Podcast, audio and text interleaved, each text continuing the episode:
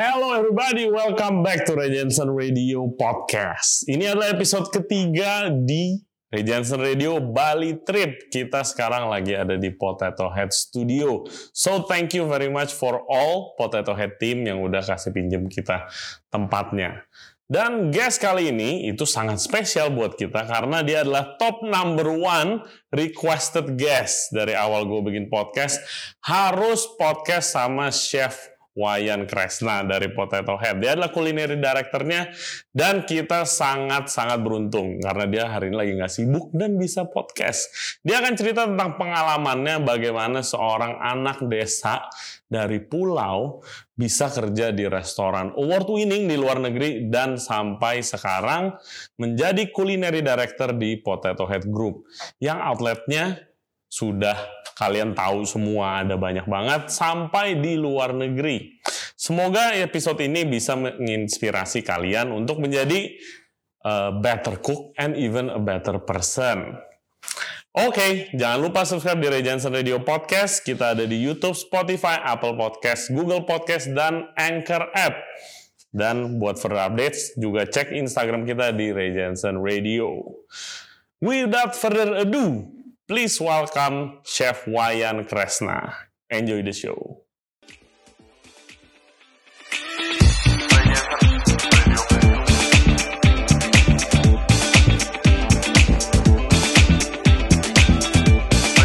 Hello guys, welcome back to Regency Radio Podcast. Kita sekarang masih di Bali.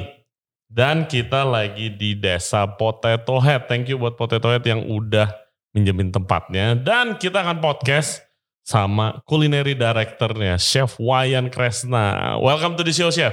Thank you, thank you, thank you. Thank you. Akhirnya kita Akhirnya. ketemu. Iya. Ini udah dari apa ya target dari awal kita bikin podcast sebenarnya mau ngobrol sama Chef Wayan. Tapi Chef Wayan kan sering ke Jakarta juga ya. Tapi gue tuh pengennya di Bali karena kan pusatnya di Bali, di Bali. nih kan. Jadi uh, gue mau info dulu Potato Head itu dan outlet-outlet yang dipegang sama uh, Chef Wayan Kresna ini itu ada of course ada Potato Head Beach Club siapa yang nggak tahu ada hotel kata Mama kita lagi ada di Potato Head Studio yeah, yeah. yang terbarunya ya hotel yes. terbarunya ada tanaman restoran itu apa konsepnya tanaman restoran? Uh, tanaman restoran itu uh, plant based ya. Jadi plant based uh, Indonesian ya. Ya, uh, uh, dulu yes. Hmm. Uh, sekarang kita uh, akan rubah konsepnya ke uh, plant based um, ke modern modern presentation, modern modern flavor uh -huh. uh, using a local local ingredient. Oke, okay. terus ada zero waste seafood restaurant namanya Ijen, itu keren banget. Yep. Kaum ada di Jakarta, ada di Bali, ada juga di Hong Kong. Hong Kong betul. Ya kan, terus ada Sunset Park di atas, di atas. keren banget, gila teman-teman gue ada beberapa udah di situ masak. Uh. Harus check it out guys itu. Dan nanti kita mau juga mau ngomongin Sweet Potato Project. Betul. Yes, apa itu? Tunggu. Jadi sebelumnya Chef Wayan harus cerita dulu pengalamannya seperti biasa. Oke, kita mulai dari mana nih Chef? Um, gimana katanya ya? lu anak desa pulau katanya. Yes, uh, basically dari saya mana, itu Chef? saya asli uh, Nusa Penida ya. Mungkin hmm. kalau ya, orang yang suka main Instagram itu uh. terkenal dengan kayak Diamond Beach lah, uh, kayak uh, uh, Clinking Beach. Yeah. That's actually saya datang uh, saya uh, dari sana asli okay. ya. Born and raised mm -hmm. uh, di Nusa Penida. Uh, terus di desanya? Uh, di namanya Banjarnyuh ya. Banjarnyuh okay. itu um, apa ya? Kayak pintu masuk hmm? kalau mau ke Nusa Penida. So jadi okay. rumah saya itu di pantai hmm. dekat pelabuhan. Um, yang kesehariannya tuh saya spending di ya gimana ya anak pantai ya. Jadi nongkrong pantai. nongkrong di pantai pelabuhan iya, gitu. Yeah. Kayak um, uh, bantu-bantu orang tua tanam rumput laut, terus oh. uh, mancing juga gitu. Oke. Okay, ya, okay. Oh orang tua ada itu rumput laut iya, iya, farm iya. gitu ya? Semua keluarga sih, keluarga, hmm. keluarga ibu, saudara, hmm. adik-adik juga hmm. semua kerja rumput laut. Oke. Okay. Plus nelayan juga. Wow. Ya. Wow, wow. Terus ya, bisa so. sampai prosesnya bagaimana dari situ bisa sampai sekarang? Waduh itu kalau diceritain sih panjang banget ya. Wah kita punya waktu yang panjang, tenang aja. panjang banget. Jadi um, uh, awalnya interest ke masak dulu deh di mana? Wah basically uh, yang bikin saya interest masak itu kan uh, saya nggak punya gini ya, nggak punya saudara cewek ya dari hmm. dari ibu saya ya. Hmm. Jadi uh, kita cowok-cowok semua nih tiga orang nggak punya uh, cewek di rumah jadi kalau uh, dan saya anak paling paling apa ya paling tua ya jadi hmm. nomor satu ya hmm. so I have to help my brother ya jadi kalau ibu lagi kerja uh, ibu selalu bilang like bantu tuh adikmu tuh uh, uh, kasih bikinin apalah bikinin sarapan ah. pagi-pagi gitu oke okay. wah bikin sarapan hmm. Gila. gue baru 8, 8 tahun nih. 8 tahun. Mau masak apa gitu. ya, uh, so itu jadi dari sana saya kayak dengan tidak langsung ya di forcing hmm. untuk bantu mm -hmm. ibu untuk ngerawat adik-adik juga. Hmm. Jadi paling apa ya? Bikin mie instan.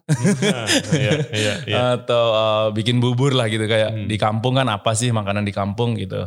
So dari sana uh, saya kayak gimana ya enjoy gitu kayak menikmati hmm. uh, masak berada di dapur terus sering lihat ibu juga masak um, ya di sana jadi saya saya kayak masak keren juga nih instead of main api kan kan kalau anak-anak suka main api kan tapi kalau main api doang bakar, -bakar. mah iya api doang kan nggak ngasilin apa apa ya kalau main apinya sambil masak itu hmm. salah satu challenge yang gimana ya like menghasilkan gitu dengan kayak hmm, creating betul. something untuk family making uh, keluarga happy lah. Yes, masak bisa bikin orang happy. Yeah, itu yang yeah, paling menarik yeah. sih. Terus so. uh, lu kerja pertama kali uh, professionally uh -uh. itu di di mana? Apa langsung di Pothead? Uh, professionally um, enggak. Nah. Jadi perjalanan saya masak itu dulu saya ketemu sama istri ya, hmm. uh, sama istri. Jadi istri saya dia um, ini basically ya uh, hmm. yang make me seperti sekarang ini ya. Hmm. Saya ketemu istri, uh, istri saya uh, dari Amerika. Hmm. Uh, jadi kita ketemunya di pulau ya di Nusa Penida. Oke. Okay. Gitu. Jadi dia lagi foto-foto di pantai. Eh, saya sebelum uh, apa namanya uh, taman SMA, saya itu kerja di apa namanya jadi jadi boat captain ya. Boat captain. Ya, boat captain. Jadi okay. uh, eh, di Nusa Dua itu ya. Uh -uh. Keren ya. Masa hmm. itu jadi boat captain keren juga tuh. Hmm. Uh, terus mancing, uh, pakai boat, dolphin dan segala macam dan uh, selalu involve masak hmm. gitu Terus bom Bali, saya pulang, uh, saya balik lagi di ke kampung, saya tinggal di kampung di Nusa Penida, terus kerja di yayasan. Nah di sana saya ketemu volunteer, uh, salah satu volunteer itu uh, istri saya, oh. uh, dan yang paling berani ngomong saya aja. Hmm. So nggak ada yang, I mean sorry ya, my English is not that good dulu ya. Iya, iya. Tapi ya, pede aja. Ya pede aja gitu. Mau apa, udah makan belum gitu. so uh, terus saya uh, di yayasan itu again masak ya. Uh, dulu saya di um, yayasannya itu bergerak di bidang pelestarian burung ya, hmm? uh, jalak Bali. Oke. Okay. Jalak Bali, jalak Bali. Uh, di Nusa Penida.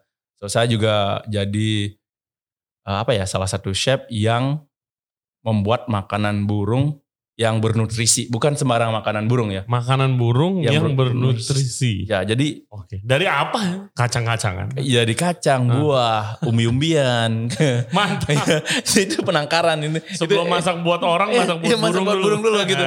So itu like oke okay, uh, hmm. short story. Jadi hmm. um, uh, saya sama istri itu kita uh, nikah ya, short hmm. story ya kita nikah. Terus hmm. saya tinggal di Ubud um, saya kita buka kayak a small bed and breakfast. Hmm. So, jadi karena saya punya passion masak, yeah. saya yang take care masak with her advice. Oke. Okay. Uh, so making omelette like this, making pancakes seperti ini, making uh, all the like simple breakfast. Hmm. Nah itu terus uh, setelah udah lama saya menikmatin. Terus saya sering nonton di TV kayak uh, apa namanya kayak acara masak gitu acara-acara masak keren juga nih hmm. mau belajar profesional kayak gini oh uh, baru mulai iya, ketertarikannya iya, iya, dari situ ya. saya tanya ke istri you think it's possible if I went to school in the US uh, study in culinary school hmm. dia bilang oh of course karena dulu kan saya kalau di sini kan kalau di atas 27 nggak bisa kuliah lagi kan. Iya. Udah udah atau udah bangkotan ya. Iya, atau enggak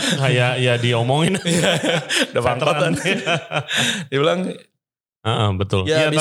tapi kalau di sana sih saya waktu dulu belajar sekolah masak ada yang umur 70. Iya, itu iya. saya juga temen uh, waktu saya enroll de, di culinary school ada hmm. yang 55, 60. Gila. Masih belajar gitu. Kok 65 masih masih belajar ya saya juga hmm. kayak kayak berarti saya paling muda dong nih. Hmm. ya so uh, ya jadi saya uh, setelah istri bilang kayak gitu kita pindah ke US hmm. karena saya mau pursue my dream wow. uh, belajar di culinary school gitu. Very supportive ya your wife ya. Yes, yes, very very. So yeah, that's the best thing happen uh, you know. Yeah, of course. Uh, yeah. yeah. Mm. Um, ya 2000 2009 kita nikah terus kita pindah ke US 2010. Mm. Uh, Sorry chef.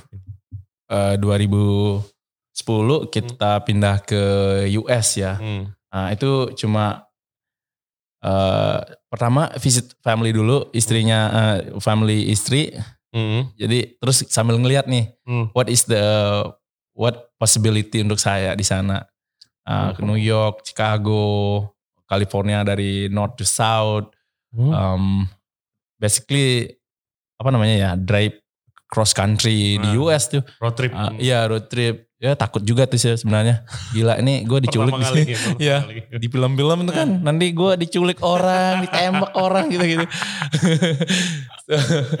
dari sana terus um, kita saya netep di San Diego ya. Hmm. nah, di sana sekitar 8 10 bulanan. Hmm. nah keep trying uh, sekolah apa nih yang bagus terus what is the step uh, at the same time saya juga kayak mencoba untuk mencari kerja di restoran, tapi so far no luck. Hmm, yang berapa? kerjaan yang saya dapat itu um, gardener. Aha, ya, gardener. Uh, ya, duitnya lumayan banyak ya. Hmm. Uh, but iya, again, ya gardener di sini ya. But again, that's not what I want. Aha. Jadi kalau di sini jadi gardener, nanti pulang ke kampung jadi apa? Udah jadi apa nih? Saya kan maunya masak gitu ya. Iya. udah kan.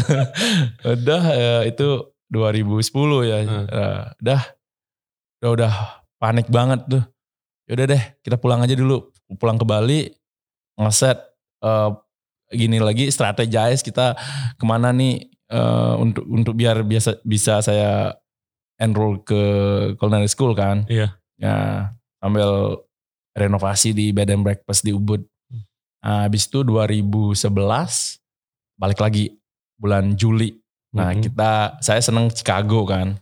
Nah kita pindah ke Chicago. Nah dari setelah pindah ke Chicago, um, itu kalau nggak salah itu Juli Agustus ya. Uh, saya coba untuk ngelamar di uh, Washburn Culinary Institute, mm -hmm. tapi didinai karena Inggris saya masih kurang. Wow. Nah, okay. Saya harus belajar lagi nih, belajar setahun. Sampai level ya nah. sampai level bahasa Inggrisnya itu 99 ke 100 ya kalau di di sana ya. Hmm. nggak tahu tuh caranya gini gimana.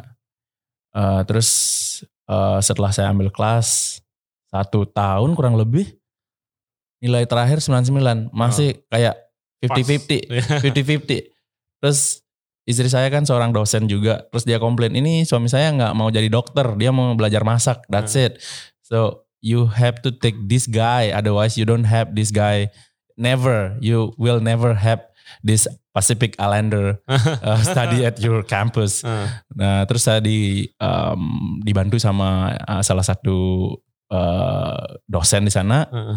Ya udah lu masuk aja. Nanti okay. saya jawab dah. Saya belajar di sana. Akhirnya kesampaian. Akhirnya belajar. kesampaian. Setelah setahun nunggu ya, apa namanya? Setahun nunggu akhirnya bisa uh. bisa masuk Nah, at the same time, minggu pertama mulai kuliah, saya ada pekerjaan lagi di fine dining. Hmm. And then I know fine dining, but I don't know what is Michelin star. Hmm, di mana? Di Chicago. Itu restorannya namanya Acadia ya, Acadia. Chicago. Ya. Okay. Um, di sana. Jadi sebagai apa? Sorry. Uh, di sana saya jadi uh, cook helper ya, jadi komis ya. Helper, jadi komis uh, di sana. Uh, uh um, udah gitu uh, like full time student full I have a full time job hmm. uh, cuma lima jam tidurnya ya per hari ya udah itu itu berat banget sih but I really enjoy it ya hmm. um, saya suka banget um, terus uh, chefnya juga memberi kesempatan uh, saya bilang ke chefnya hey chef um, saya nih kuliah nih, jadi hari Rabu saya nggak Rabu Kamis saya minta gininya kayak uh, flexibility-nya. Saya bisa start jam 3 gitu. Kalau boleh, gue mau nih kerja di sini. Kalau enggak ya Iya nggak bisa ya, lagi kuliah. You never will, uh, you never have me here. Hmm.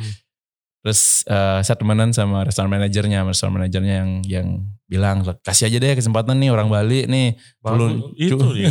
Maksudnya jarang loh yang bisa begitu. Iya jarang. Hmm. Jadi ya udah dikasih hmm. um, bulan pertama itu waduh kacau banget sih. Kacau banget. Saya hampir dipecat loh. Ngapain lo kayak udah datang telat hmm. datang telat terus preparean hancur. Setiap saya itu dari jam 3 diomelnya sampai jam 10 ya. Selama sebulan ya. Udah hampir dipecat. Kayak aduh gila salah nih. mulu gitu. Salah mulu ya. Hmm. jadi Rabu Kamis itu saya kayak aduh gila nih makan hati terus nih. Udah gitu saya minta keringanan. Saya gue datang Senin deh, Senin Selasa gue ngeprep bang buat station gue oh, biar Rabu Kamis kejar, biar ya, kejar ya. Biar biar aman sih. Ah, now you smart. okay, okay. okay, sure. You can hang out at the kitchen for three hour, three or four hour. Udah Just make sure you lock the door. Udah datang yeah. telat. Ya udah. udah dikasih kesempatan. Kerjaan berantakan. Iya, berantakan. Untung gak dipecat. Iya, hancur banget tuh. But slowly slowly ya. Uh -uh. Um, uh, di sana dari jadi saya sekolah itu sekitar dua tahunan ya hmm. dua tahun karena saya ambil slowly ya uh, cuma semester terakhir saya ambil kelas percepatan jadi kayak Senin Selasa itu saya kuliah 12 jam hmm. uh, Rabu Kamis saya bisa kerja jam 3 lagi nih hmm. aduh itu berat banget sih selama dua tahun berat banget pengorbanannya banyak banget ya terus bisa sampai ke one of the best restaurant in the world mm. itu Blue Hill Stone mm. Barns. Jadi mungkin background story dulu sedikit ya. Yeah. Jadi guys, Blue Hill Stoneburst itu adalah salah satu restoran yang paling keren.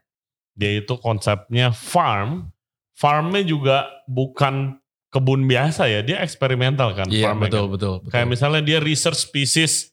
Kalau ada di Netflix Chef Table tuh dia research species uh, labu. Labu, benar. Labu kuning sampai yeah. bertahun-tahun, sampai benar-benar perfect labu kuningnya dan konsepnya itu kebanyakan nggak ada menu tiap hari ganti.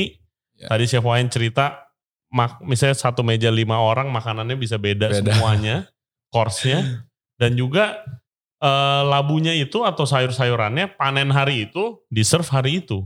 Betul. Luar biasa nama chefnya itu Dan Barber, award winning chef. Yes, yes. Gimana yeah. lu bisa ke sana akhirnya? Well, saya ke sana uh, ada salah satu chef hmm. yang saya uh, apa namanya?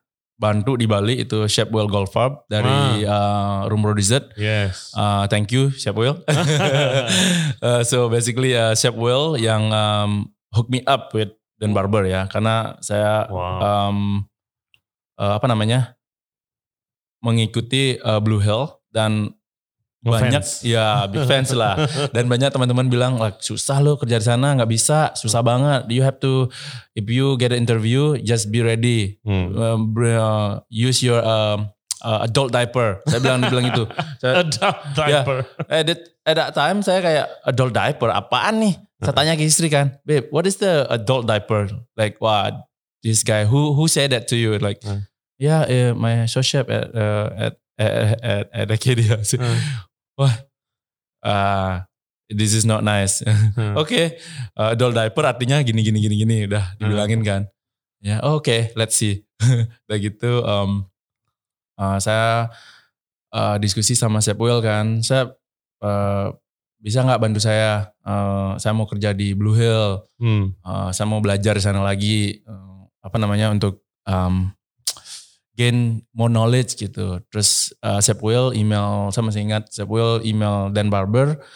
Terus uh, Sep Will balik ke saya, hey Wayan, uh, Dan Barber uh, uh, waiting for your email gitu. Hmm. Setelah gitu beneran Sep uh, gini, uh, saya kirim email terus di, langsung direspon. Saya kirim email like sekarang sejamnya tuh udah direspon sama dia. Hmm. Kapan lu bisa datang ke sini trial on the weekend.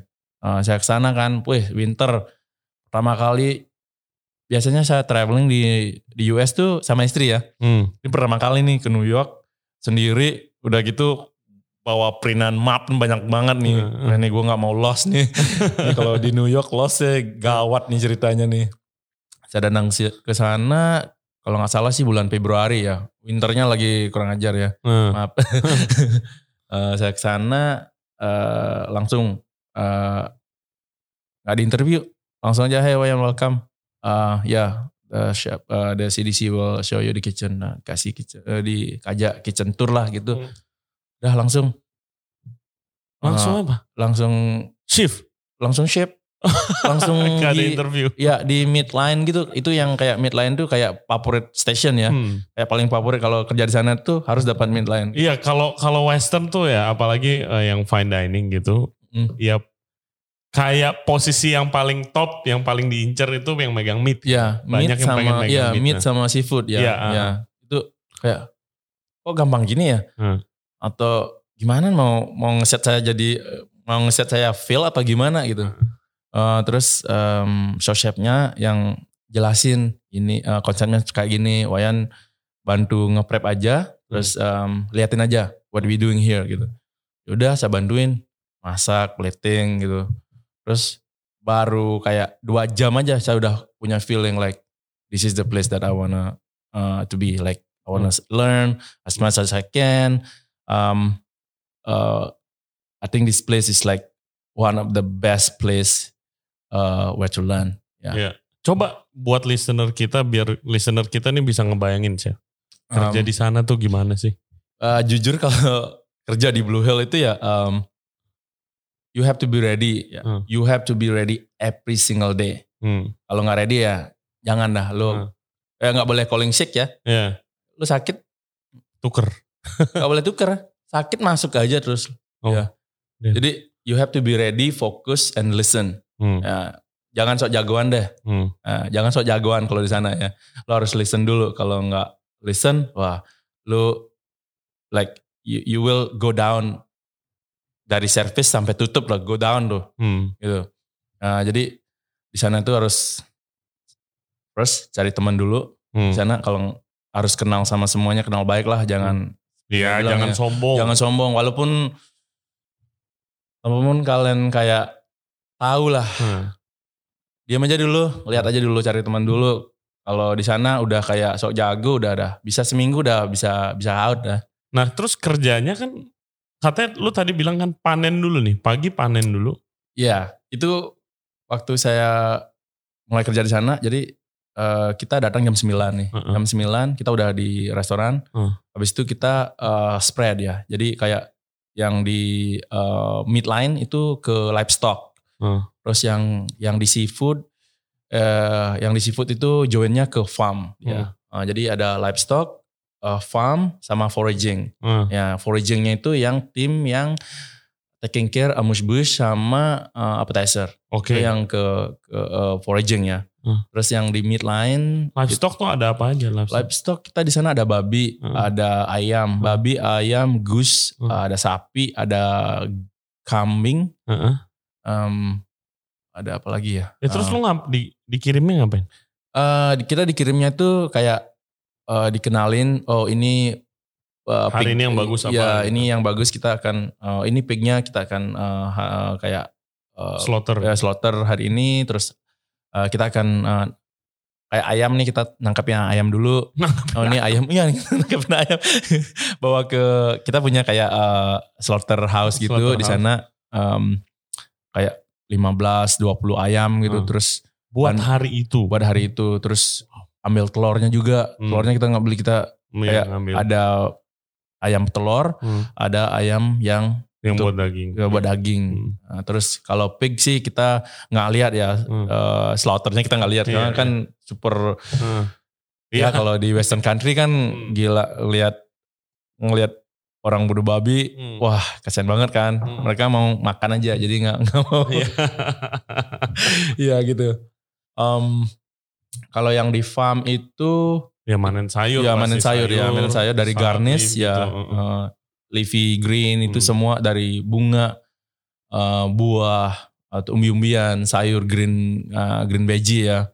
Uh, terus ada beberapa buah kayak strawberry kita punya, uh, gooseberry kita punya, terus kayak wildberry itu kayak raspberry lah itu udah hmm. blueberry udah wild yeah. lah di sana. Nah terus dari udah panen, hmm. Gimana prosesnya bisa sampai penyajian pada hari itu? Berarti kan nggak ada menu kan? Lo harus pikir nih. Iya. Kapan lo mikir menunya? Oh ya, jadi uh, habis panen tuh kan kita kasih waktu satu jam ya. Nah, hmm. jam 10 kita balik lagi ke restoran di main dining. Kita ada long table gitu, kita meeting. Hmm. Oke, okay, dari foraging dapat apa? Terus dari uh, livestock kita stoknya apa nih hmm. hari ini? Hmm. Terus dari um, uh, farm hmm. itu apa aja adanya apa aja jadi dari uh, mush bush uh, garmoje hmm. terus buat garnish apa nih jadi hmm. kita diskusi oh, oke okay, kayaknya diskusi ya. buat oke okay, berarti menunya hari ini ini ya ya hari ini kita masukin ini ini ini untuk like Blue Hill kan yang terkenalnya itu kayak uh, fans ya veggie vegetable fans ya yang iya ini vegetable iya ya. yang katanya the best misalnya ada tomat uh -uh. ini tomat terbaik yang akan lu makan di hidup lu lah yes, gitu. Terus yes. sebelahnya ada lobak. Ini uh -uh. lobak terbaik satu piece gitu kan. Betul betul. Iya iya. Itu itu yang yang yang kayak signature ya signaturenya Blue Hill ya. Itu itu mah kalau dari saya sendiri saya kerja di sana terus itu keren sekali sih. Seenak itu gak sih sayurnya sih? Vegetable-nya itu saya nggak pernah uh, nyobain vegetable yang seenak itu. Even raw ya. Raw hmm. vegetable itu cuma di season pakai olive oil sama garam. That's hmm. it. Mentah itu kayak gitu. enak banget. Kayak Carrot. Manisnya manis banget. Gitu. Iya ya kayak mokum carrot ya itu yang paling terkenal di sana ya. Mokum kan? Iya mokum. Itu manisnya tuh luar biasa.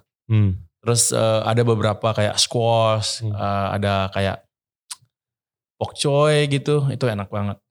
Dan hmm. kita treatnya itu nggak tidak terlalu spesial ya. Hmm. Kayak let's the vegetable speak iya. uh, itself. Kayak Iya udah, udah enak nggak usah iya. diapa-apain. Ya nggak gitu. udah. Ya. Olive oil, garam, udah ya udah, kelar. udah that's it. Wow. Um, gitu dari uh, nanti balik lagi ke kayak um, di Garmoje, what is the good for salad? Hmm. Nih, kayak ada salad terus ada bouquet salad, hmm. terus ada tacos dari vegetable instead of using tortilla, kita pakainya kayak uh, how we can make uh, taco shell dari vegetable. Hmm. Ya kayak kayak gitu. Terus um, uh, ke lanjut ke hot hot app hmm. sama fish itu nih vegetable yang bagus untuk nemenin uh, nemenin seafood apa terus hmm. uh, hot appetizer apa yang bagus gitu terus lanjut ke daging Meat, iya. nah, daging itu kayak di hari itu kita oke okay, hari ini kita ada harvest babi nih hmm. oke okay, berarti kita full di babi dari babinya itu dari dari kepala sampai belakang kaki sampai ekor, ya. ya jadi no waste Ya no no waste. Even bone-nya sendiri kayak tulangnya sendiri itu kita Ya buat kaldu biasa. Buat buat kaldu, abis kaldu itu kita um, carbonize ya. Uh, itu kita bakar, bakar. Tuh, kita bakar overnight. Uh -uh. Nah itu kita pakai buat charcoal uh -uh. atau bone-nya itu dijadikan salah satu bahan untuk bikin piring. Wow. Ya bahan untuk bikin piring. Jadi beberapa piring-piring yang di sana itu juga dibikin dari uh, tulang. Hmm. Tulangnya tuh dibersihin, iya. dikeringin, dibersihin lagi, dikeringin. Habis itu baru di kayak apa namanya ya, di shredded apa di iya. dihancur. Iya, dihancuran bikin piring. Iya, powder gitu baru di mix. Iya, piring-piring yang paling mahal kan sebenarnya dari tulang. Dari tulang, betul. Bone, ya, bone ya, China biasa. Iya, betul. Berarti itu kalau dipikir-pikir rada mirip sebenarnya konsepnya sama beberapa restoran yang lu pegang yang zero waste sekarang. Kan yeah. ada kalau potret kan ada yang plastik kan mm, yang mm. waste uh, akan memproses jadi kayak tempat tisu, yeah, jadi yeah, kayak yeah, coaster yeah. gitu juga yeah, kan. Yeah. Kalau di sini um, apa namanya? Uh, let's say di Indonesia siapa sih nggak nggak pakai plastic wrap? Mm. Ya, siapa mm. siapa nggak pakai plastic wrap? Iya yeah, betul. Ya, kalau di Potato Head yang pertama kali kita as a team decide to remove the plastic wrap. Lu nggak pakai plastic wrap? Kita nggak ada plastic wrap anywhere ya. Gila. Ya, semua desa kita nggak ada plastic wrap. Itu, itu yang saya harus tepuk tangan. Thank you. Gak ada plastic ya, wrap. Plastic wow. wrap nggak ada. Itu wow. bukannya saya mau kayak sombong atau gimana, bukan. Hmm. Uh, karena kita mau kayak how we can help yeah, this environment gitu ya. Bukannya naib sih, kayak hmm. if we can do one thing, hmm that's good ya. Nggak usah lah doing something like 100 atau 200 one Satu. thing aja tapi konsisten itu jadi plastic wrap kita remove um, terus itu juga ngurangin cost terus uh, sampah jadi berkurang. Iya. Nah, terus dari supplier juga saya menyarankan ya kayak kirim barang produk ke Potato Head ya jangan pakai um, single use plastik ya. Kalau ya kalau daging sapi udah di vacuum pack itu masih bisa kita terima tapi plastiknya kita akan cuci. Cuci terus kita shred.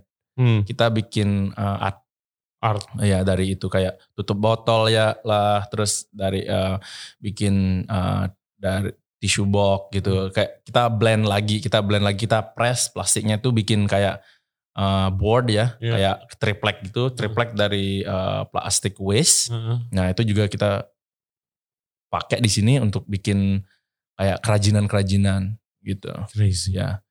Agak sedikit headache sih kalau yeah. kita ngomongin iya. zero waste, tapi kita nggak kita kita tidak apa ya? Hmm. Kita tidak mempromosikan kalau kita doing something like that, but we just do it gitu. Hmm. We just do it dengan uh, kerjasama di tim di desa ada yang dari saya dari kulinari sendiri saya menyarankan ke supplier teman-teman supplier untuk uh, jangan deh bawa plastik single plastik ya iya biasa kan ya, pakai pakai ya dibungkus doang iya gitu. ya plastik plastik yang, biasa iya plastik biasa gitu kresek iya kresek ya betul kresek ya itu yang yang sulit di gini sih di sulit di recycle gitu nah, oke okay. balik sedikit lu di Blue Hill mm -hmm. kan udah kerja ya ini kan gue tau kerja gila banget pasti lah kerja di restoran award winning itu kadang menyiksa badan dan mental. Iya betul. Terus lu join Pothead Group, Potato Head itu hmm. kapan? Saya join Potato Head 2016. Hmm. Itu di bulan Agustus ya. Sebenarnya saya sudah hire bulan Februari. Hmm. Tapi dari Blue Hill-nya sendiri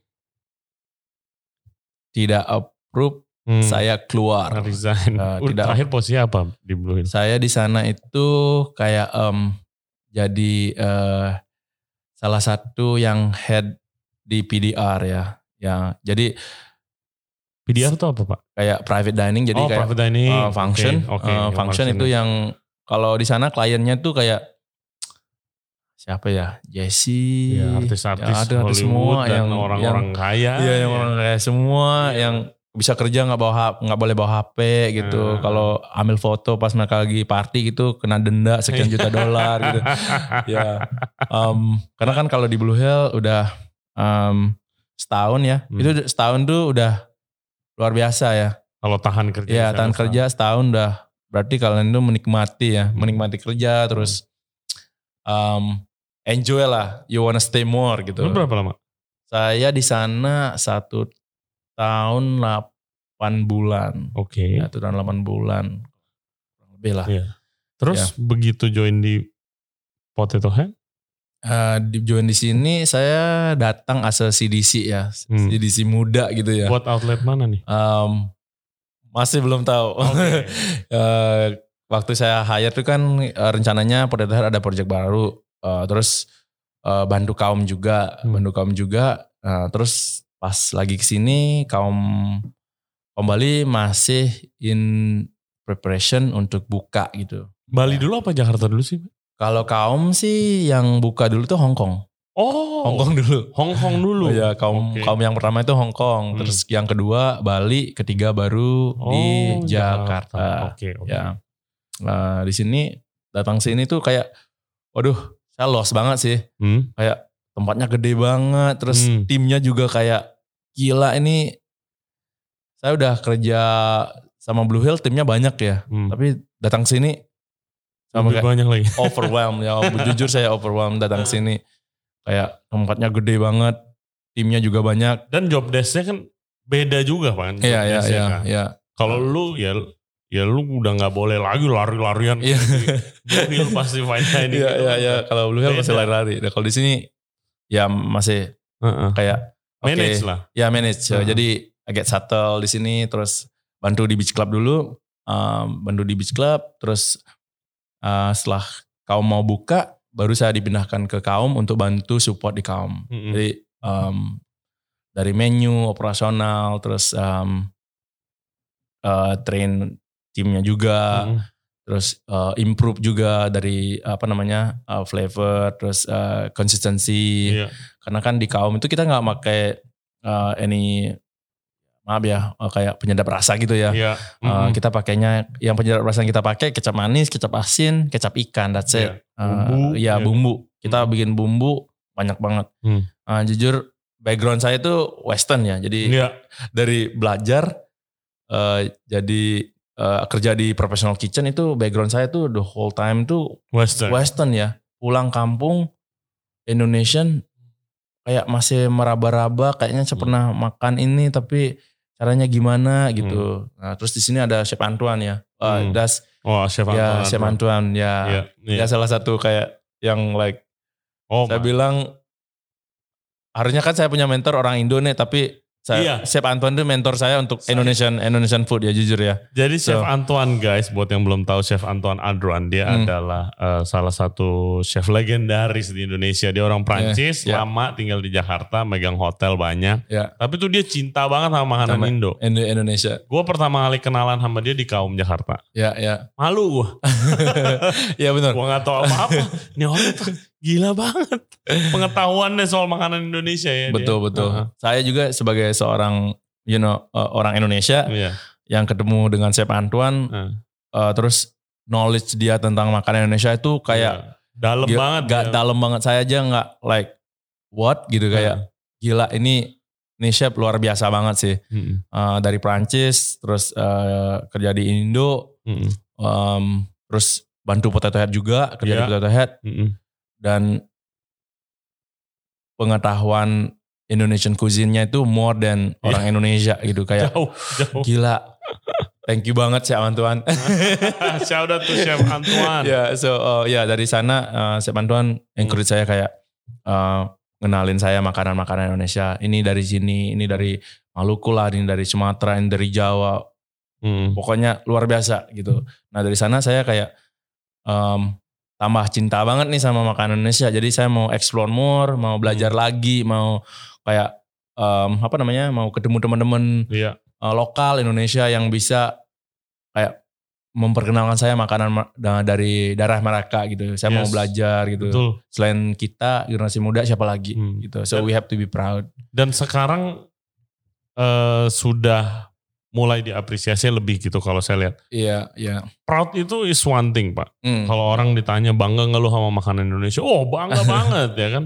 Yeah. Tapi prakteknya dong. Gitu. Betul, gitu. Prakteknya kalau dari chef ya lu belajar makan Indonesia, mm, explore. Mm, Kalau dari segi foodie atau dari segi customer ya lu cobain. Iya, iya betul gitu. Kalau misalnya bangga makan Indo, ya makan lah ya, di makan. restoran di restoran Indonesia yang emang trying to explore new flavor betul, bukan makan betul. Indonesia yang itu-itu doang. Uh, betul betul. Itulah kasarnya seperti ya, itu. karena makanan Indonesia kan nggak nasi goreng mie goreng ya. Wah, ya uh. itu kan udah kayak bukan rahasia umum ya. uh. Itu kayak di dunia itu kalau makan Indonesia nasi goreng mie goreng tapi Indonesia can offer more than hmm. that gitu. Iya, Indonesia betul. ada ribuan pulau, ya jutaan malah. Ya jutaan, jutaan ya, pulau. Ya, ya, ya. Yang beda-beda gitu loh.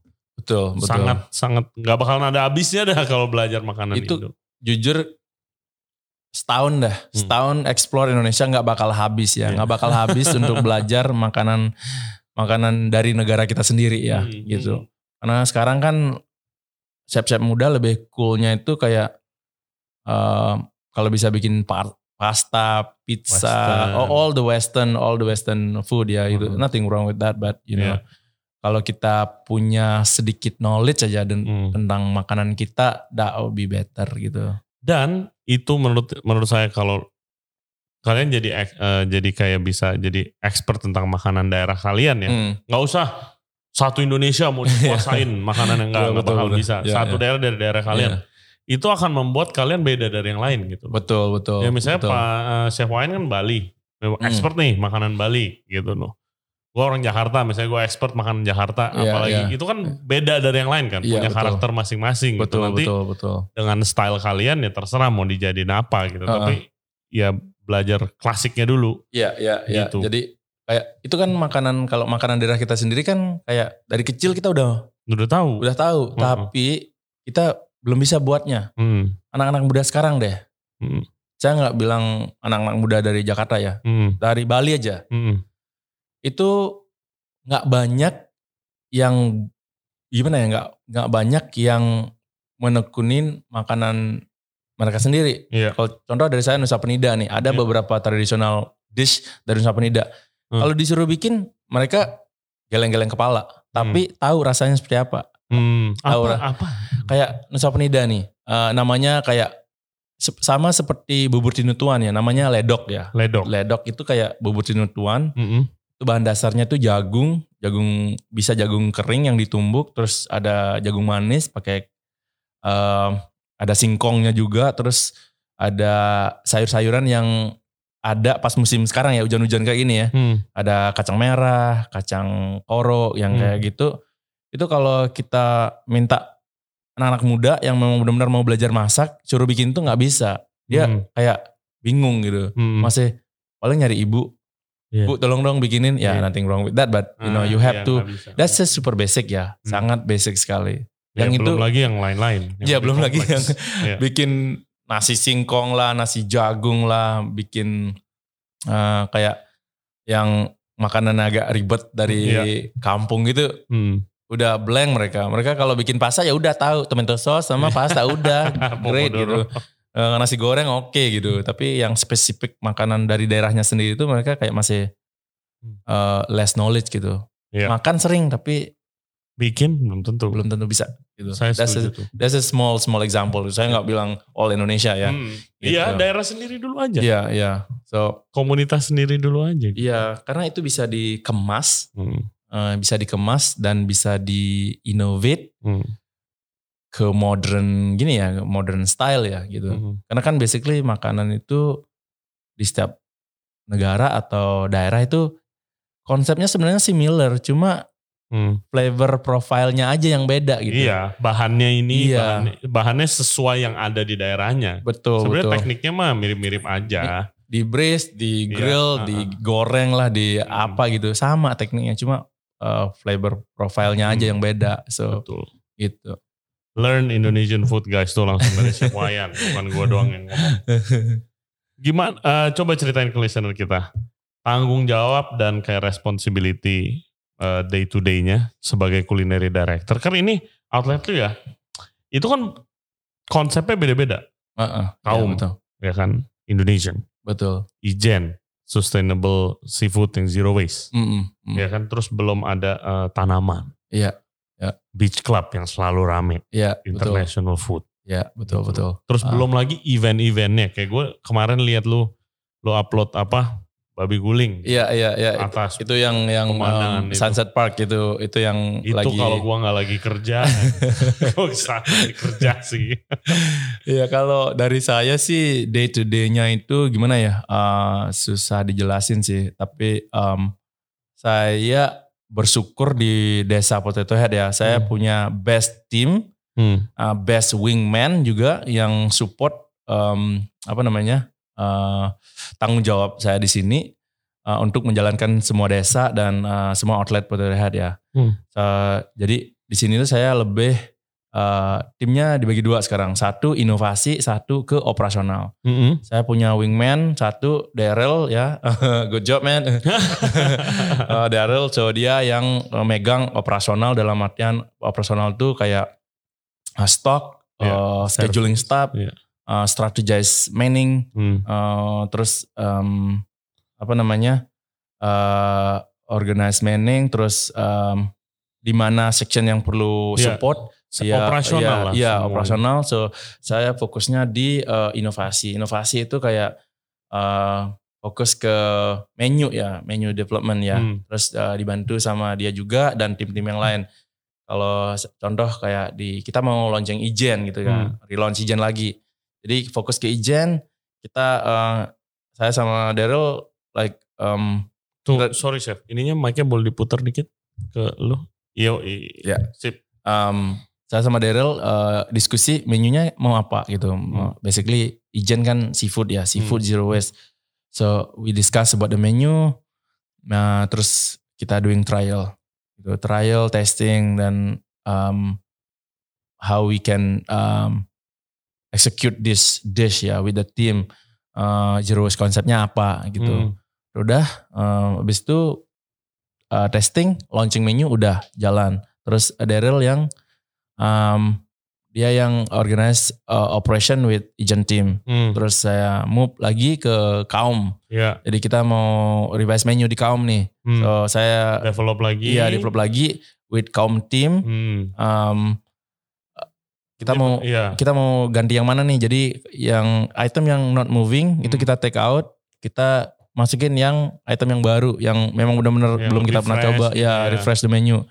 Jadi saya kerja sama uh, tim kaum Oke. untuk uh, create that dish Mm-mm. and then testing udah jalan. Nanti di handle sama tim operasional sana. Nah, continue seperti itu. Iya. Um, Jadi fokus development. Ya.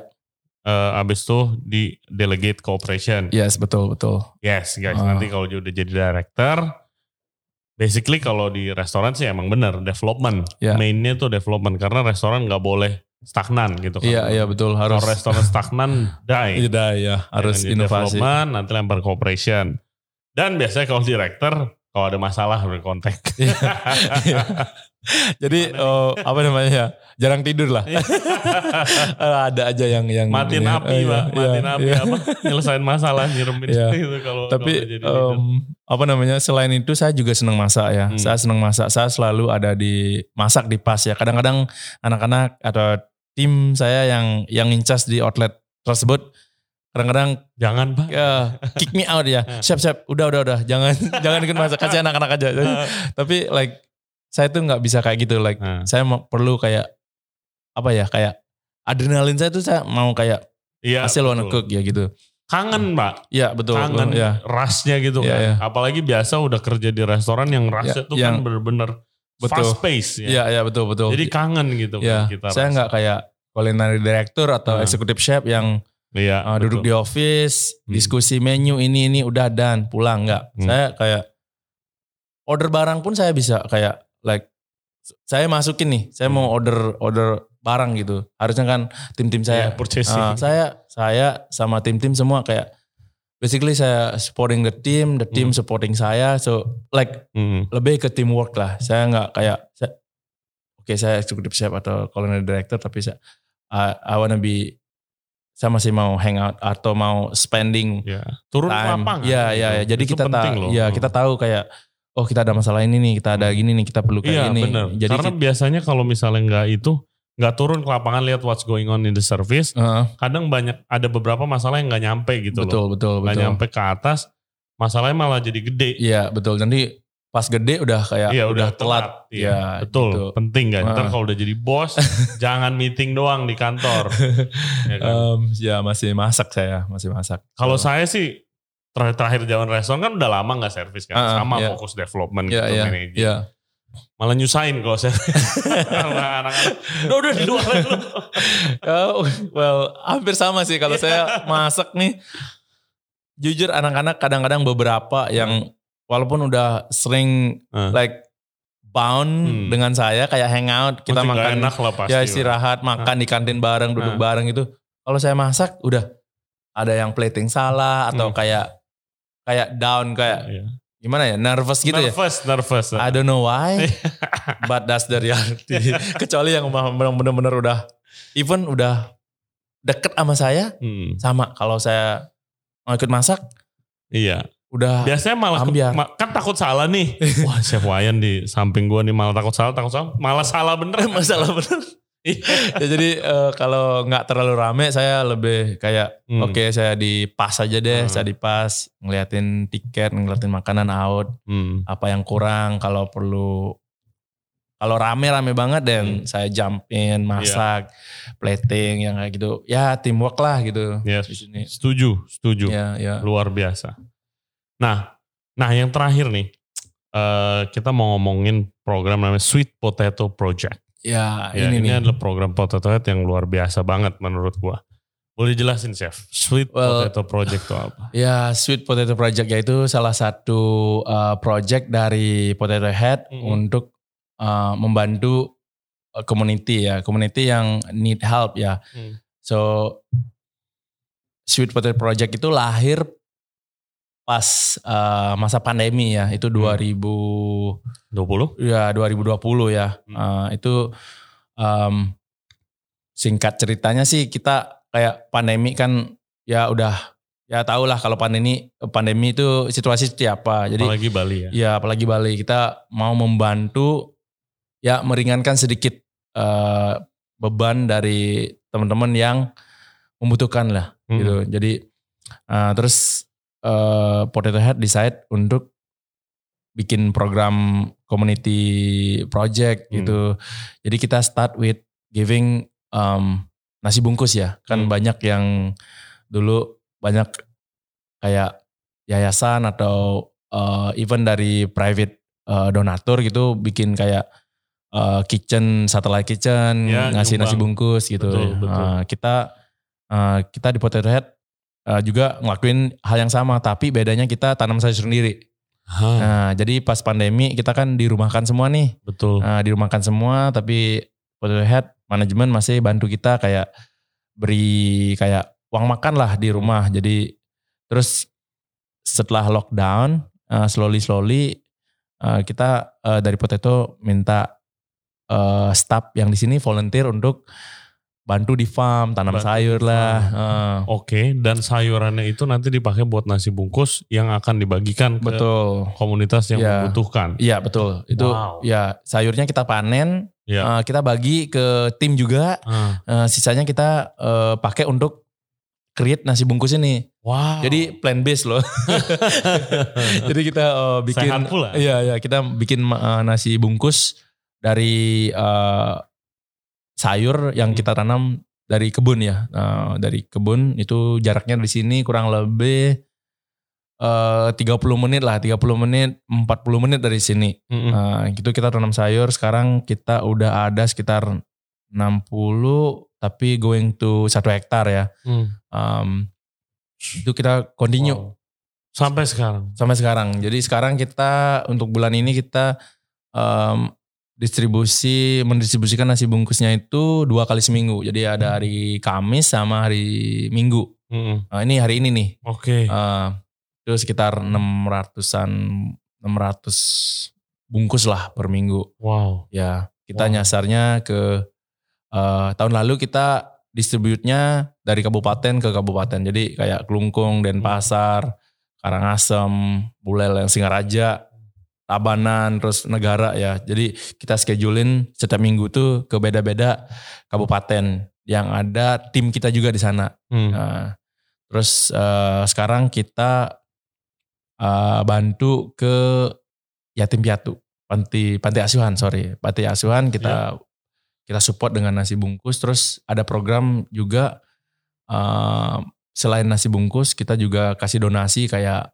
uh, towel atau baju-baju gitu untuk anak-anak terus uh, bantu untuk setup kayak small farm di di panti asuhan mereka hmm. ya instead of kita ngasih nasi bungkus kita ngajarin mereka farm dari tim uh, sustainability dari tim farm yeah. yang ke sana ngajarin mereka mau show them how uh, nanam sayur seperti apa kita setup box gitu Luar biasa. Ya, so continue programnya. Nanti ke depannya ada lagi programnya. Jadi kita, ya. tapi kita fokus yang oke okay, kalau udah berhasil ngajarin mereka tanam sayur, what is next? Gitu. Nanti kita terus hmm. akan ada inovasi untuk how we can help uh, ya, community ya. Jadi kayak our uh, gini juga uh, do good, do yeah. good ke komunitas gitu.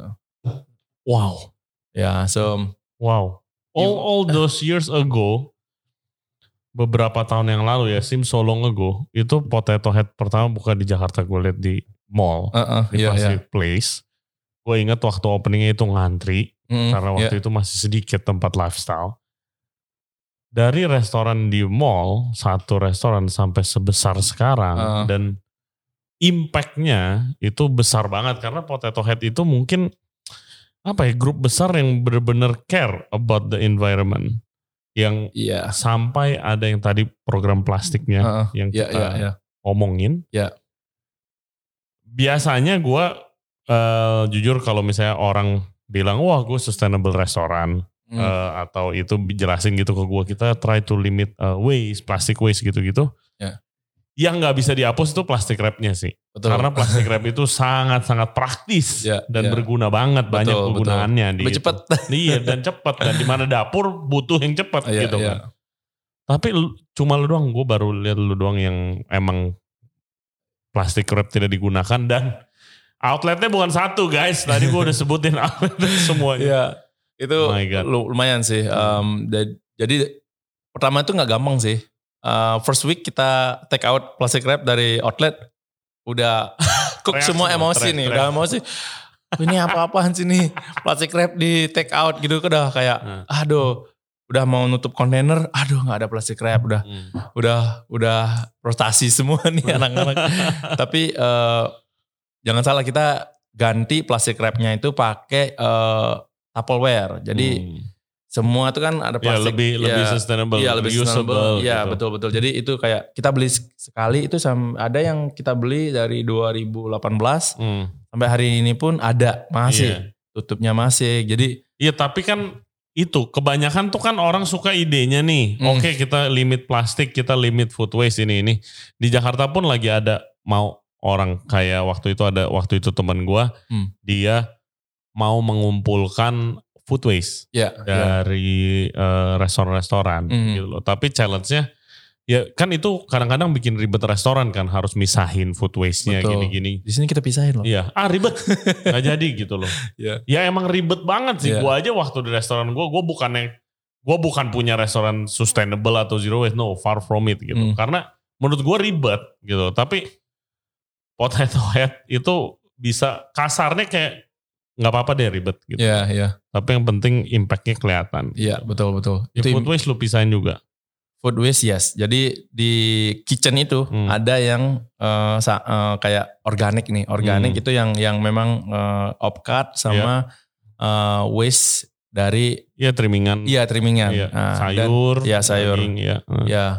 Dan kalau seandainya kayak trimmingan daging masih kita bisa pakai, masih bisa kita makan, hmm. itu kita kumpulin Hmm. Habis kalau udah cukup kita kirim ke kantin. Kita hmm. ke kantin itu kita kan di sini ada kantin nih. Hmm. Jadi uh, di kantin punya tim sendiri juga. Iya. Jadi kita create menu everyday menu different ya. Hmm. Beda beda beda tiap hari menunya di sana. Hmm. hmm.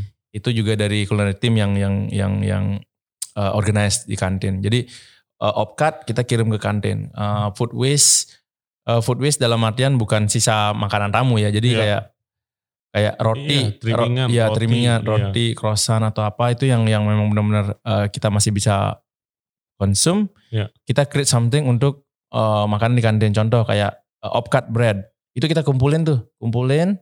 Habis itu kita bikin bread pudding. Yeah. Uh, kita serve dessert di kantin hmm. dengan dengan waste-nya kita dari kitchen. Yes. Dan uh, bread pudding mestinya emang pakai bread yang udah keras. Iya betul betul. Bukan pakai bread yang masih yang baru. baru. Ya, betul. Emang ya. awalnya diciptakan buat buat nurunin itu kan uh, uh. daripada kebuang jadiin puding. Gitu iya kan. betul betul. Uh, uh. Nah, so itu um, gimana ya agak berat tapi kita jalanin pelan-pelan. Hmm. Ya kalau ada niat kan pasti ada jalan kan ya. Yes. Ya pelan-pelan akhirnya sampai sekarang kita masih commit untuk um, use uh, apa namanya ya use less plastic, support the sustainability dan zero waste juga.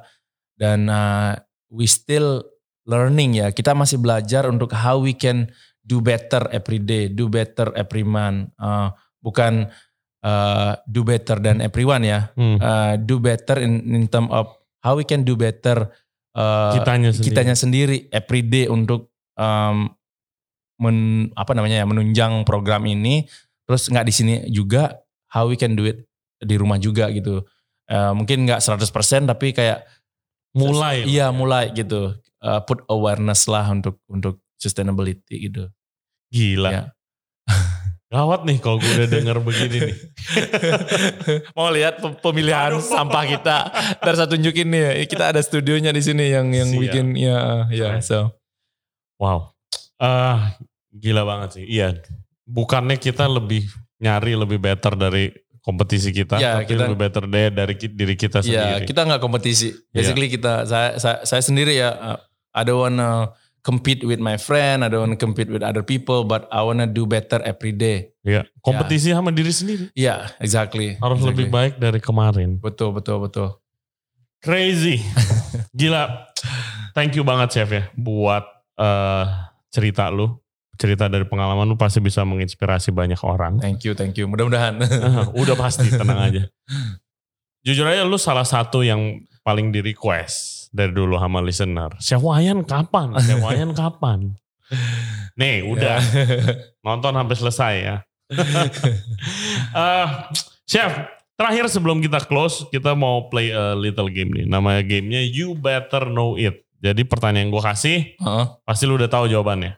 Dan kayak Mudah-mudahan. Oke, okay, siap ya? Siap, siap. Oke, okay. kalau lu bukan jadi chef, lu jadi apa? Waduh, kalau gue nggak jadi chef, wah gue bakal jadi the coolest uh, boat captain on the island ya. Oh, yeah, that's uh, that's me ya. So, coolest boat, boat yeah, captain. So, so that's uh, the next ya, bukan next ya. That's uh, kalau saya nggak jadi chef, hmm. uh, the next job itu like a boat, boat captain ya. Yeah. So sampai sekarang saya punya boat sendiri, but I'm not the captain. I I teach my brother to be captain. Oke. Okay. Lanjut lagi. Best thing you ever eat. Best thing you ever eat. Wah itu sih di salah satu restoran ya di um, di uh, Chicago ya namanya Grace ya. Hmm. Uh, itu tiga Michelin star tapi sekarang udah tutup ya. Hmm. Das itu kayak crab dish yang di dalam kayak glass jar kayak gitu, hmm. yang ada ice dish on the top yang tidak boleh pecah. Dan kalau itu mau makan itu di crack. Hmm ice-nya jatuh ke bawah uh, dan mengenai semua uh, all the the condiment di bawahnya itu itu kayak the best crab yang pernah saya makan sih. Restoran namanya apa sih? Uh, Grace. Grace. Ya Grace Restaurant. Hmm. Ya. Kita Google nanti. Ya. Um, Terus itu sih. Kalau longest shift. Longest shift Nah. Itu ada di Blue Hill ya. Blue Hill sudah uh, Blue Hill Stone Barn. Saya pernah kerja 98 jam lima 5 hari ya, 5 hari. 98 jam 5 hari. ya, ya. Selamat tuh. itu kalau nggak nggak nggak apa namanya? Espresso. ya itu. Oh. Oke, okay, lanjut lagi. Worst moment in this in service, embarrassing aduh, moment. Aduh itu bikin salah. Ah, itu memalukan banget sih. Apa? Um, waktu saya sama ingat tuh yang di uh, Ekedia ya. Uh-uh. Oh yang baru-baru Iya, saya nggak tahu fine dining ya. Uh. Uh, terus bahasa di kitchen itu kayak jarang saya dengar. On deck, hmm. uh, on deck saya nggak tahu apa itu on deck. Saya bilang yes aja, semua bilang yes, saya bilang yes aja. on decknya kalau akhirnya saya tanya what is on deck. On deck itu berarti kayak the next dish that's that's yours ya, that's your okay. your dish will be fire gitu. Okay. On deck saya bilang, oh yes chef. Uh. Nah, udah gitu nyantai aja. Tapi lu gak mau. Oh, ya. Oke, okay, Wayan. fire ya. Hah? Udah fire chef. Uh. Harusnya kan bilang dulu, uh. next yours. Ya, yeah, I say on deck. That mean you better get ready. Uh. Ya itu saya kayak gila kelar saya diomelin dari jam berapa tuh jam 8 diomelin sampai jam 10 about on decks karena saya nggak tahu apa itu on decks ya. Ya itu itu memalukan banget sih. Oh, iya kan masih belajar. iya masih belajar. Pakai slang semua. Terakhir, makanan Indo favorit lo? Makanan Indo ya. Basically saya dari Bali ya. So um, gimana ya? Hmm? Don't like babi itu ya hmm. that's I, I love babi and seafood ya. Oke. Okay. Any kind of seafood hmm. like I love it. Oke. Okay. And pork. So gue tambahin deh yeah. sebagai orang Bali, hmm. chef culinary director. Babi guling biasa makan di mana? Waduh.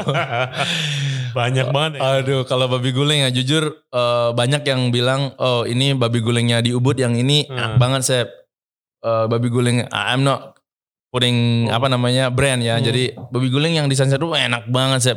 Tapi setelah saya makan semua it's babi guling semua enak. Enak. Jujur babi guling semua enak. Jadi hmm. cuma perasaan teman-teman aja nih yang nah. kayak makan babi guling tengah sawah eh, enak banget ya iya ya makan babi guling ada sawah nah. ada server uh, itu terus kalau dari saya sih bukan, bukan tipikal atau gimana ya like hmm. all babi guling is really good ya. Okay. Cuma lokasinya yang bikin Iya. experience itu beda gitu. Siap, jawaban yang sangat yeah. diplomatis. Yeah. Oke, okay, ya mungkin lu mau kasih sebelum kita closing mau kasih nasihat buat listener kita nih, buat chef-chef muda penggerak eh, industri F&B. Ada nasihat mungkin? Um, kalau dari saya sih nasihatnya gimana ya? Um, untuk chef-chef muda ya. Um, satu, just be ready to work hard ya. Hmm. Kalau mau terjun di dunia F&B, di kitchen, itu harus be ready, work hard Hmm. Terus uh, juga uh, ready untuk di apa ya? Kayak kalau setiap kitchen tuh kan beda-beda tuh hmm. chefnya. Hmm. Um, dijailin atau di pokoknya di di press di pressure ya. Iya. Uh, terus ditekan. Uh, ya ditekan. Uh, terus uh, satu uh, uh, dan juga uh, harus be consistent. You have hmm. to be consistent. Be consistent. Kalau lu nggak bisa konsisten, yeah. kelar dah tuh. Komitmen ya, sih. Ya, komitmen ya betul betul betul. Mm -hmm. Terus uh, kalau masuk kitchen jangan sok jagoan dulu. Lihat dulu nih, hmm. lihat dulu sekeliling. Jangan sok jagoan. betul. ya, ya, karena kan banyak um, yang bukan banyak sih maksudnya ya view ya yang kayak gitu. Tapi kalau udah di dimasukin dalam kitchen ya hmm. udah kayak yep. go down sendiri kan gitu. Hmm. Uh, dan uh, yang dari saya sendiri nih, hmm. never compete with your friend. Never so compete never compete with your friend. Um, use your friend as uh, apa namanya kayak selalu terinspirasi dari temen gitu. Yeah. Um, uh, apa namanya belajar dari teman karena kalau saya pun sendiri ya udah eksekutif saya udah megang banyak restoran saya masih belajar dengan tim-tim saya sendiri hmm. apalagi tim-tim saya tuh dari banyak daerah ya ada uh, like ada yang beberapa itu dibawa ke sini ah sesuatu yang baru ke saya hmm. dan saya akhirnya belajar dari mereka eh hey, how you make this gitu hmm. saya belajar dari mereka gitu um, kalau udah nggak berpikir kempit sama temen atau orang lo bisa uh, apa namanya ya, lebih, lebih ya eks, ya explore lebih lebih inovasi lebih inovatif ya. gitu dengan kayak punya teman banyak gitu. Iya, bukan berarti lu sebagai atasan lu nggak bisa belajar dari bawahan lu loh. Betul, betul. Bukan betul. berarti loh. Betul. Saya ya. punya tim lebih jago dari saya. Uh -uh. Ya. Uh, ya. yang bisa bantu saya untuk um, ngembang jawab seperti sekarang gitu. Iya, betul. Ya, betul ya. banget. Ya. So. Wow. Thank you banget Chef. Thank you. Untuk waktunya. Thank you. Semoga sukses buat lu sendiri dan juga buat proyek-proyek Potato Head. Thank you, thank you. Uh, ke depannya. Siap, terima kasih, terima kasih. Yes. Thank you sekali lagi yeah. buat Potato Head, uh, khususnya Potato Head Studio yang udah minjemin tempatnya dan buat Chef Wayan of course. Uh, semoga sukses semuanya. Uh, thank you ya guys buat yang udah nonton. Kita lihat sini Chef. Ya. Oke, okay. Thank you guys buat yang udah nonton podcast kita dan udah dengerin di mungkin di Spotify. Session kita kali ini bersama Chef Wayan. Tuh ya gue udah podcast nih sama Chef Wayan ya. Thank you, thank you. Jangan lupa subscribe di Jensen Radio Podcast. Kita ada di YouTube, Spotify, Apple Podcast, Google Podcast, dan juga Anchor App. Kalau lagi di Bali, please check out main ke Potato Head. Baru nih hotelnya. Potato Head Studio. Dan masih banyak lagi outletnya bisa cek uh, bisa cek Instagram mereka semuanya. Dan kalau mau nanya-nanya atau mau kerja di sini, ikutin program amazing program Potato Head, kontak Chef Wayan. IG lu apa, Chef? Uh, uh, Chef Wayan. Chef, Chef Wayan, Instagramnya langsung aja iya. tanya-tanya dan pasti dijawab lah sama Chef Wayan. Iya dong, pasti. Oke okay, guys, stay safe, stay healthy. We'll see you next time. Bye-bye. Bye-bye. Thank you, Chef. Ah, Thank mantap. you.